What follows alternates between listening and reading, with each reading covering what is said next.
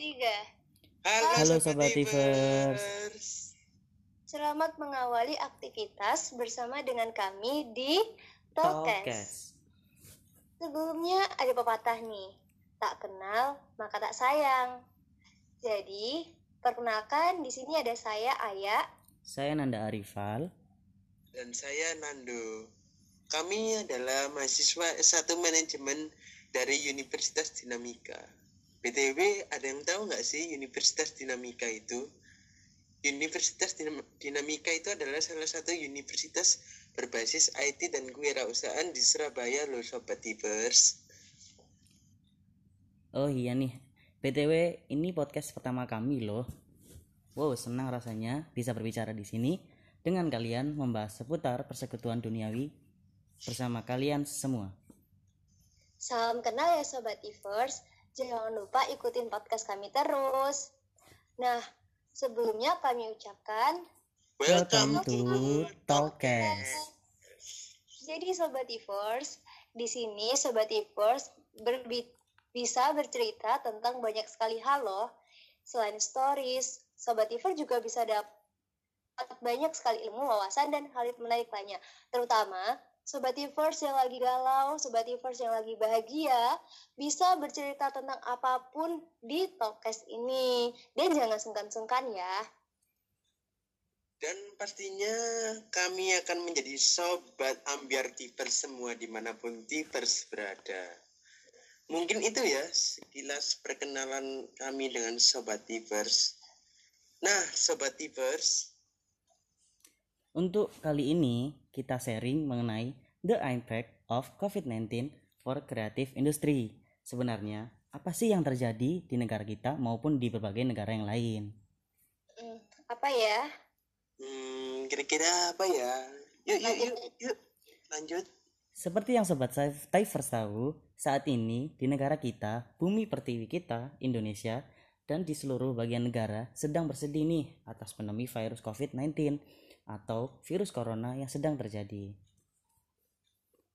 Wabah ini menyebabkan banyak sekali kerugian. Kerugian ini bisa ditinjau dari aspek ekonomi suatu negara, aspek sosial suatu negara, hingga sampai unit bisnis terkecil pun juga mengalami kerugian, bahkan hingga kemati kematian jiwa. Jadi mari kita bersama-sama berdoa agar musibah yang terjadi segera berlalu seperti kenangan bersama mantanmu Bisa aja Mas Nando. karena Kenapa saya raja gombal Ya udah deh, so berbicara mengenai COVID-19 sendiri. Sebenarnya bagaimana sih gejala dan penyebarannya? Virus COVID-19 ini biasanya ditandai dengan gejala awal seperti flu, batuk, demam, namun sulit untuk diprediksi nih Sobat Tivers. Kenapa ya? Mungkin dikarenakan tidak semua orang yang sudah terinfeksi akan langsung memperlihatkan gejala-gejala awal dari virus corona tersebut. Dibutuhkan 2 hingga 14 hari sampai orang sudah orang yang sudah terinfeksi tersebut mengeluarkan tanda atau ciri-ciri dari virus corona tersebut nih. Selama tenggang waktu tersebut, bisa aja orang-orang yang terinfeksi tanpa sadar menularkannya kepada orang lain, guys. Inilah sebabnya sangat penting untuk kita mengisolasi diri di dalam rumah terlebih dahulu atau dengan bahasa kekiniannya itu disebut sebagai social distancing gitu guys. Selama kurang lebih dua minggu. Karena virus COVID-19 sendiri ini mempunyai masa inkubasi selama, selama kurang lebih dua minggu. Nah ini perlu diperhatikan khusus ini terutama bagi orang-orang yang baru saja berpergian ke luar negeri atau melakukan kontak dekat dengan pasien terjangkit virus corona. Gitu guys. Oh, tuh dengar ya Sobat Tivers. Jadi, di mana pun Sobat Tivers berada, tetap stay safe ya. Jangan lupa jaga kesehatan dan kebersihan diri. Banyak sekali tips-tipsnya, seperti mencuci tangan dengan sabun setidaknya 20 detik dengan gerakan yang benar. Terus lakukan juga physical distancing dulu ya saat ini. Yang lagi nahan rindu, sabar ya, nanti pasti bakal bertemu kok. Ini kan buat kebaikan kita semua. Jangan lupa juga gunakan masker bila sobat tipers sedang sakit, biar tidak biar virusnya tidak menyebar ke yang lainnya. Dan jangan lupa sebisa mungkin kita melakukan pekerjaan dari rumah atau work from home. Hmm, dan juga dan aku mau nambahin dikit nih dan juga jangan lupa kita harus melakukan social distancing atau physical distancing ya sobat Ivers. Nah, itu merupakan sedikit pesan dari kami nih Sobat Ipers kepada Sobat Ipers. Lalu sebenarnya kami akan mengulik topik tentang bagaimana sih pengaruhnya COVID-19 ini terhadap industri kreatif di negara kita. Nah, perkembangan industri kreatif di Indonesia ini dengan adanya pandemi ini menurut Menteri Pariwisata dan Ekonomi Kreatif Indonesia Bapak Wisnu Tama, industri kreatif di Indonesia ini sebenarnya mampu bertahan sobat hiper di tengah pandemi COVID-19 ini. Dan juga yang sebelumnya ditekankan work from home atau WFH yang membuat para pekerja industri kreatif harus berada di rumah untuk menjalankan pekerjaannya. Di sini dapat dilihat bahwa industri kreatif tidak dibatasi oleh ruang maupun waktu guys. Bapak Wisnu Tama sendiri juga berpesan agar pelaku industri kreatif mulai dari pelaku ekonomi, kreatif seperti TV, film, PH, konten kreator, radio, animasi, desain grafis dan para artis juga berbagai komunitas dan jaring kreatif di berbagai daerah. Nah Terus, bener itu, hmm. dah penjelasanmu. Industri, oh iya. Industri kreatif ini kan nggak ada matinya, jadi nggak bisa terhalang oleh suatu keadaan apa pun termasuk virus COVID-19 sendiri. Gimana ya. kalau pendapat yang lain? Kalau menurut aku nih ya, Kananda dan Kanando juga sobat Iver semua, sebenarnya uh, kita itu bisa kok melewati pandemi ini, kita pasti bisa lah, Indonesia pasti bangkit ya kan. Kalau dari berbagai sektor itu bisa bekerja sama, bisa saling membantu, menawarkan solusi. Apalagi di kreatif industri. Kreatif industri ini kan banyak banget tuh kayak perkembangan-perkembangannya, tek teknologinya. Jadi mungkin bisa membantu, sangat membantu dalam menghadapi pandemi virus seperti ini atau masalah lainnya. Sebenarnya itu juga sebuah solusi sih, menurutku gitu. Nah, namanya juga kan kreatif industri.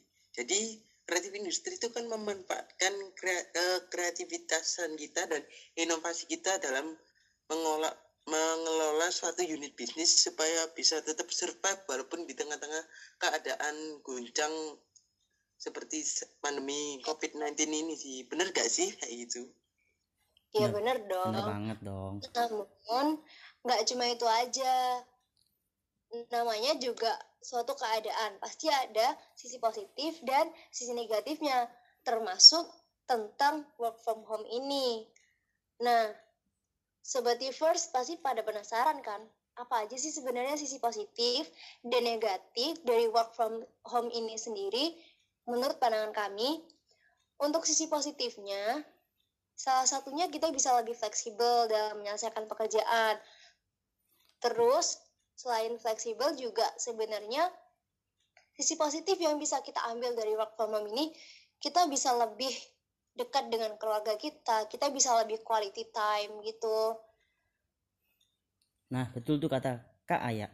Dan juga pasti Sobat Divers nih bertanya-tanya nih, apa sih fleksibel? Fleksibel seperti apa sih Kak maksudnya?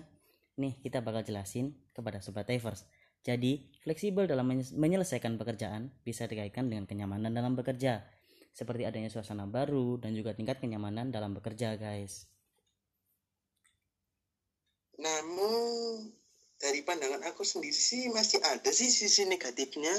Yang pertama itu menurut aku sih sisi negatifnya kita tuh jadi merasa kayak kita itu seolah-olah menghindar dari orang lain kita nggak mau nolongin orang lain kita nggak mau nyentuh orang lain kita nggak mau berinteraksi dengan orang lain nah itu bisa jadi sisi negatif dari efek COVID-19 ini sendiri sih. Contohnya aku nih misalkan aku ke Indomaret terus papasan ketemu sama teman aku. Nah di saat pandemi covid-19 ini aku ini jadi agak kayak cenderung canggung menghindar gitu. Dari temanku nggak mau kayak salaman bareng kayak biasanya. Nah itu sisi negatifnya sih kayak merenggangkan suatu hubungan pertemanan lalu yang lainnya seperti kurangnya komunikasi antar rekan kerja. Jadi yang biasanya kita saling tatap muka dalam bekerja dengan metode work from home ini kita tidak bisa saling tatap muka dalam bekerja sobat Ivers sehingga banyak sekali miskomunikasi dalam bekerja yang dapat merugikan perusahaan. Dan selain itu aku dari perspektifku sendiri dengan adanya work from home ini jadi banyak jadi banyak tugas-tugas gitu deh dari pekerjaan yang kita lakukan. Itu sih dari perspektif aku. Iya nih apalagi work from home ini impactnya kalau buat mahasiswa buh tugasnya banyak banget. Bener gak benar bener itu bener 100% bener itu. Pasti sobat Ivers juga ngalamin nih yang lagi kuliah gimana kuliah daring tapi sebenarnya kita juga ini tuh sedang melakukan uji coba loh untuk perpindahan teknologi gitu. Sekarang kan semua serba virtual. oh iya aku Nah. mau nambahin lagi nih dari sisi positifnya dari COVID-19 ini boleh nggak Boleh dong. sisi positifnya itu dengan adanya kita work from home atau kita stay terus di rumah aja kualitas udara di dunia ini jadi membaik loh sobat Ipers ada loh datanya di internet. Kalau Jaka, em, sa- aku ambil contoh Jakarta. Jakarta itu kualitas udaranya akhir-akhir ini akhir-akhir ini menjadi membaik setelah diberlakukannya adanya social distancing dan physical distancing. Hashtag say thank you to corona. Tapi tetap aja kan banyak yang sakit, banyak yang bersedih, banyak air mata. Tetap kita bakal berharap, kita sangat berharap pandemi ini akan segera berakhir. Benar gak? benar bener setuju aku aku Dan mau nambahin sedikit boleh kak pasien-pasien yang Ya boleh, boleh. ini ada sisi negatif buat nggak buat dalam bisnis sendiri sih ini berkaitan dengan lingkungan di berbagai tempat kayak tahu nggak yang lagi viral itu yang mau menguburkan jenazah yang terkena virus corona tapi dilarang oleh warganya Iya iya tahu tahu itu dilarang sama warga setempatnya. Kalau nggak salah itu di daerah Jawa Barat ya nggak sih Kak Nanda? Iya, iya ya di Jawa Barat mungkin ya. Dan aku rasa sih mungkin itu kurang edukasi ya tentang COVID-19 ini. Ya ampun, kasihan banget. Sobat Ivers, kalau misalkan Sobat Ivers tahu informasi atau apa pun, Sobat Ivers bisa membantu masyarakat untuk mengedukasi biar tidak ada kesalahpahaman seperti kejadian tersebut. Dan aku juga mau nyampein perspektif juga nih di tengah-tengah pandemi COVID-19 ini aku mohon kepada sobat tipers jika ada yang menimbun masker ataupun menimbun hand sanitizer mohon pemikirannya dirubah ya sobat tipers karena di luar sana masih banyak sekali orang-orang yang membutuhkan masker dan hand sanitizer tersebut bener gak? Bener banyak banget tuh yang kejadian seperti itu Iya Dasar. sih. Eh, contohnya sendiri pengalaman nih ya sobat Ivers, ayah sendiri kan ada penyakit itu eh, tidak bisa kena asap, sedangkan di sini stok maskernya sudah habis, jadi ayah tidak punya masker untuk stay safe. Ya terpaksa harus tetap tetap pakai masker seadanya. Jadi kita saling bantu aja ya sobat Ivers untuk menghadapi kita saling gotong royong biar Indonesia cepat pulih. betul tuh kayak Amin tuh sama teman aku tuh oh iya nih sobat tipers iya. Mas Nando dulu deh Eh, aku punya tips loh sobat tipers gimana cara ngakalin untuk stok masker yang habis ini. Jadi sobat tipers itu bisa pakai kain dilapisi tisu. Lalu sobat tipers coba ambil eh, potong kain itu untuk pengikatnya. Lalu di sobat tipers coba jahit, lalu lapisi tisu menjadi mungkin 1 sampai 3 bagian. Nah, itu juga bisa efektif loh untuk nangkal virus COVID-19 ini selain masker yang kosong itu. Wadaw, sangat berguna sekali nih tipsnya dari Mas Nando. Come on Sobat Iya Tipers, cobain di rumah. Makasih ya Nando tipsnya. Mungkin bisa membantu sobat Ivers di rumah. Sama-sama. Ya, nggak kerasa ya udah lama banget kita berbicara tentang hari ini. Sayang banget udah berakhir. Padahal masih pengen ngobrol banyak dan menemani Sobat Force. Sayang Hmm, sekali. Iya nih aku jadi waktu terlalu waktu sangat berlalu terlalu cepat ya. Yang penting hubungan kita jangan berakhir sampai di sini ya sahabat Ipers.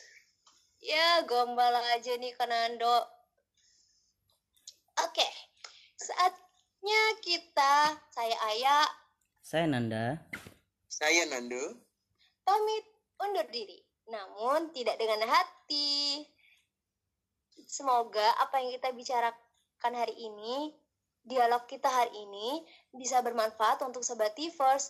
Maaf ya jika ada salah kata, dan juga maaf kalau kadang kita ngomongnya suka salah-salah. Apalagi Kananda sama Kananda banyak gombalnya. Yang banyak gombalnya itu Kak Ayak tahu.